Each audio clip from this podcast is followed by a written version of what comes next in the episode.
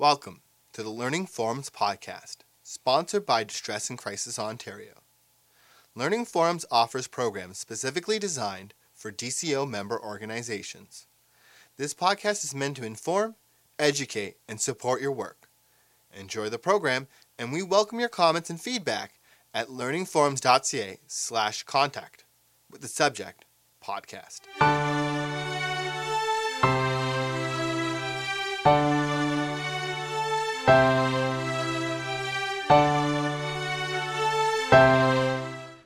Welcome. My name is Brenda Lanigan, and I am the program administrator at the Hope Center in Welland.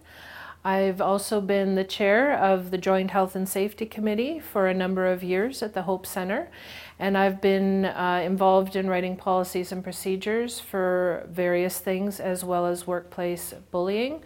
And I'm also a trainer in the Crisis Prevention Institute in uh, foundations as well as violence response procedures.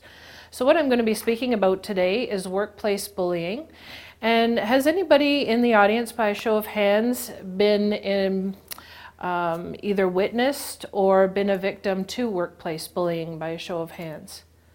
Okay, thank you. So that's quite a few people in the audience, which is a really sad factor, but at least nowadays it's more prevalent and it's more in the uh, forefront so that there's more awareness on what workplace bullying is, as well as making sure that it does not continue. Now, workplace bullying is something that is a persistent, continuous behavior, which is um, meant to irritate, annoy, abuse, or harm a person in some way. So it's not a one time um, outburst, it's a continuous, over time, something that happens. Now, the progression for workplace bullying, it may start with somebody uh, coming up and just saying something inappropriate or demeaning to a person. And if it's not stopped at that point, it can progress into more control.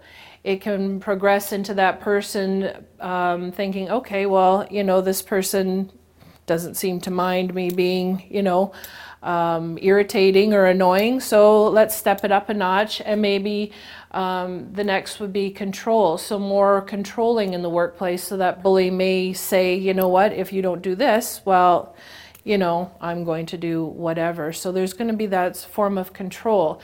Workplace bullying is also um, somebody feels more inferior to another person. So that's how it starts as well. So if there's a person that feels inferior to another, that's a good indication that workplace bullying could take place. Another progression after the control is fear. So the threats start. So, well, if you don't do this, or I'm going to, you know, do this, or whatever the case may be, those threats can start. And then the last progression would be um, a loss of control. So that could be a violent um, attack on the person or some kind of other loss of control. Now, it can go the other way as well for the person um, that's being bullied. The start of not being able to feel like they have a voice and being able to say, you know what, that really, you know, offends me. Please don't say that, okay? And then after that, it could go into more of the fear of the threat. So, I'm fearful of their life, fearful of their job, of their for their family.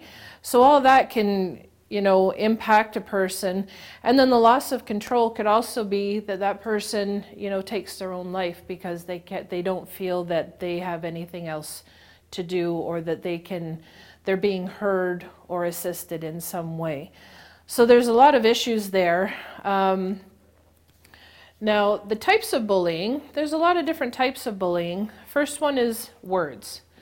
So, how you say those words.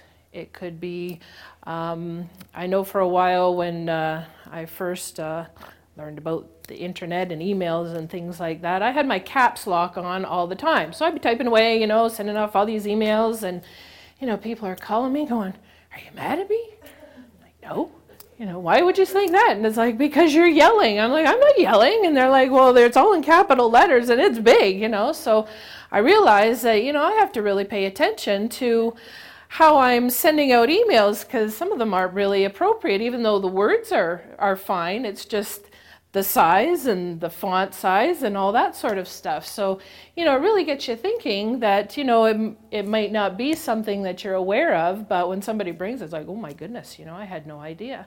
So the words are very important. It's also your voice.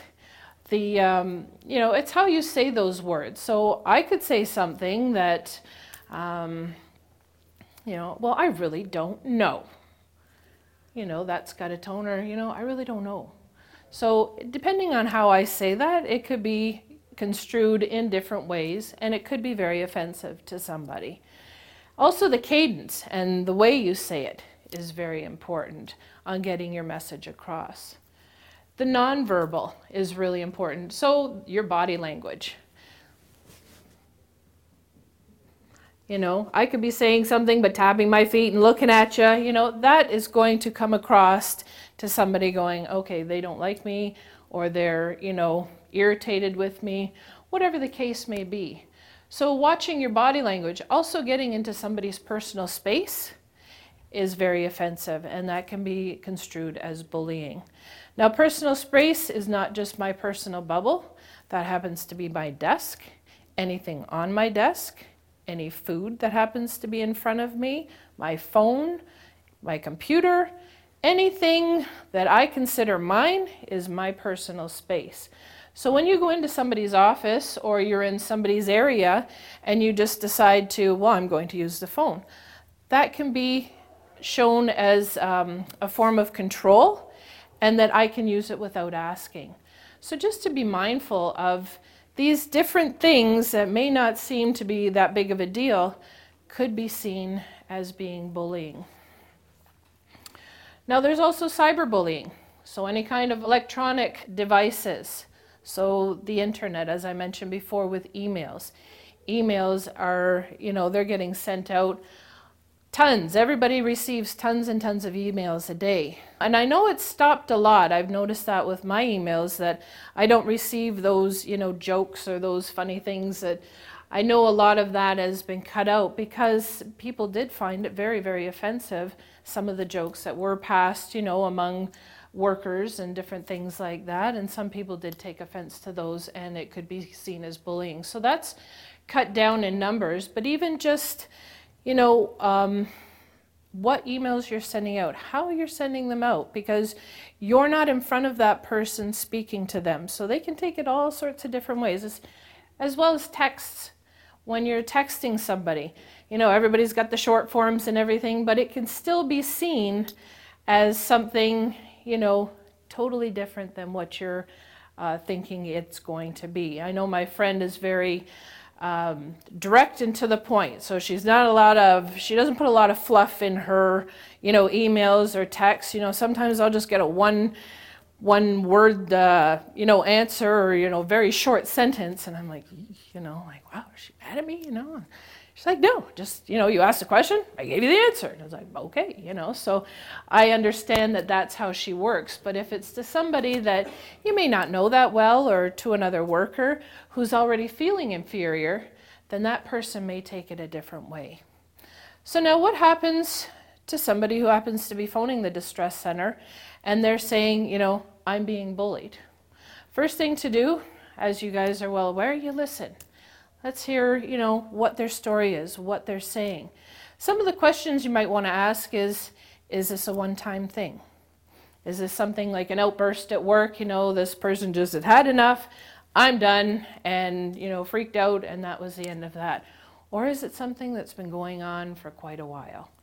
You know, if that person, you know, like last year, well, you know, something happened to the victim and she's like, you know, I didn't feel like I was being heard at work. So there's something happened, or maybe being demoted at work or something, and then, you know, that worker kind of steps in and starts bullying, you know. So this has been going on for a while.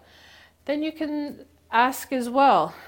One of the other questions is Is this a personality clash? Because sometimes, you know, there's all different personalities at work, and some of them don't get along, and that's okay. So you have to determine whether this is, you know, an ongoing which is what bullying is. It's a persistent, ongoing uh, behavior, or whether it's just, you know what, I do not get along with that person and I really don't like working with them because that's something totally different.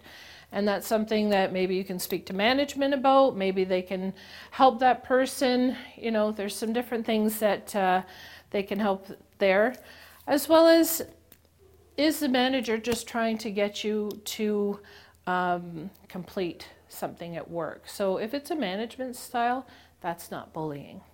Some managers may be tougher than others, but they're there to ensure that those people do their job and do it properly or whatever the case may be. So, you know, if somebody was to be working, say, in like machinery and stuff or something like that, and they weren't doing it properly or not using safety equipment, and you know, the supervisor came up going, What are you doing? You know, where's your gloves? Where's this? Where's this?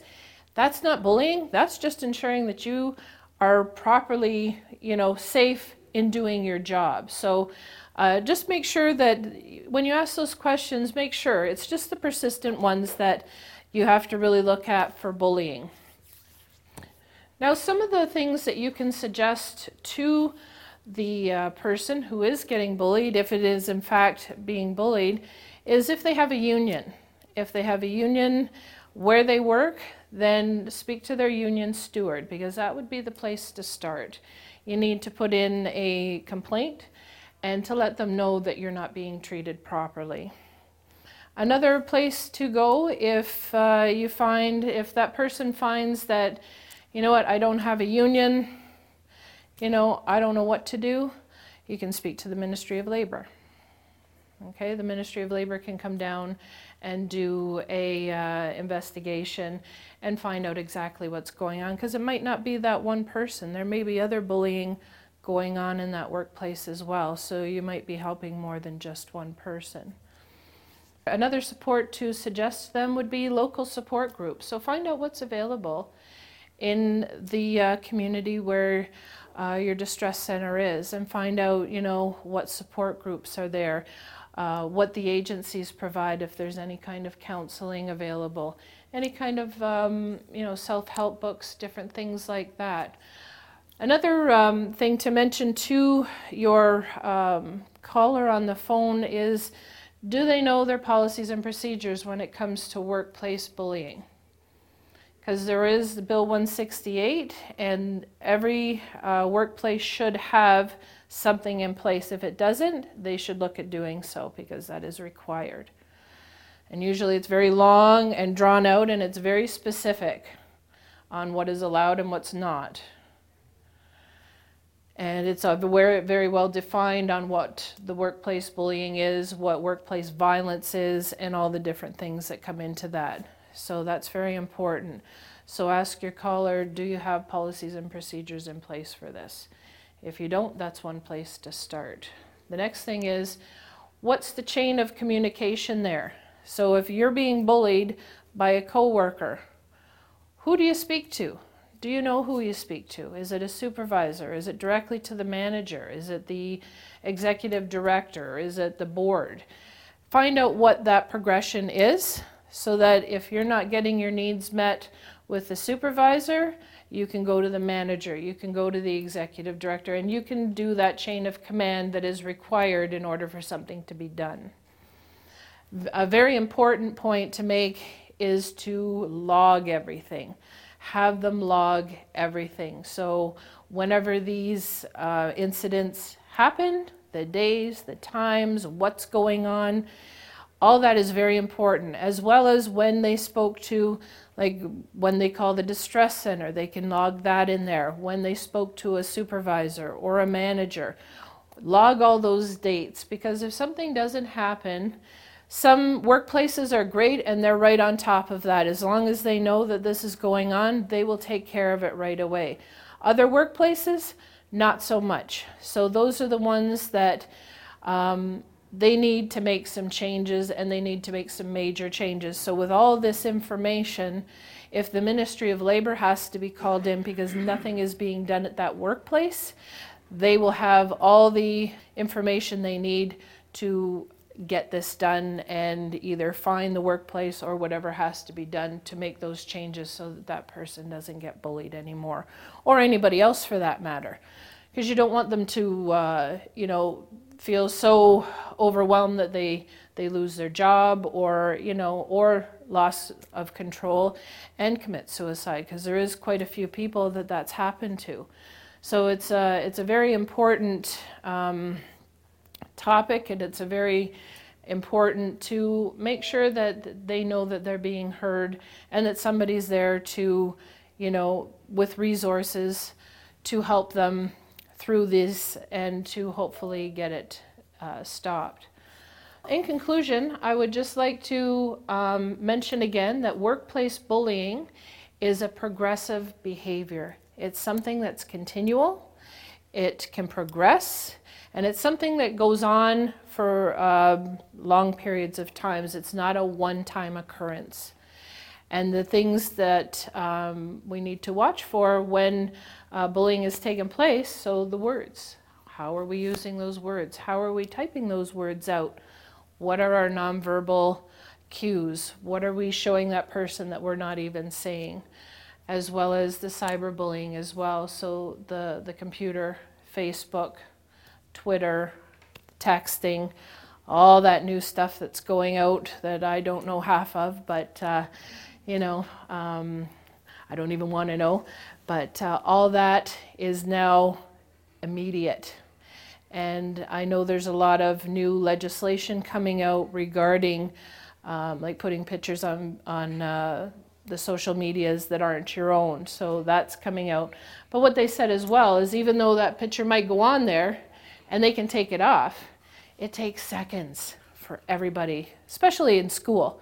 High schools, you know, all the kids have cell phones, and that picture goes out. Even though they can retract it, it's already been seen by many, many people. So it's um, for the bully as well. You know, that's another thing to think of. Maybe that person calls in and has been told that they were a bully. That's something too. Because as I said before, you know, I'd send out all these emails, you know, with capital letters and things like that, not knowing that that's very offensive, you know. So um, when you're talking to maybe somebody that says, you know, they're calling me a bully and I don't understand, you know, find out what's going on. Maybe you know, give them some of these explanations, you know, like, are, are, you picking on somebody? You know, like maybe you think it's a joke, but it's really hurting that other person, you know, so you need to be kind of mindful. If somebody says, you know what, that really, um, it's not appropriate and that's really hurting my feelings, you might want to take that into consideration. It's, it's really important that, um, you know, even for all of us to be aware of what we're sending, how we're speaking, and how we're presenting ourselves to others, because it can be construed as something totally different than what we're thinking of. So I thank you for your time today and have a wonderful day.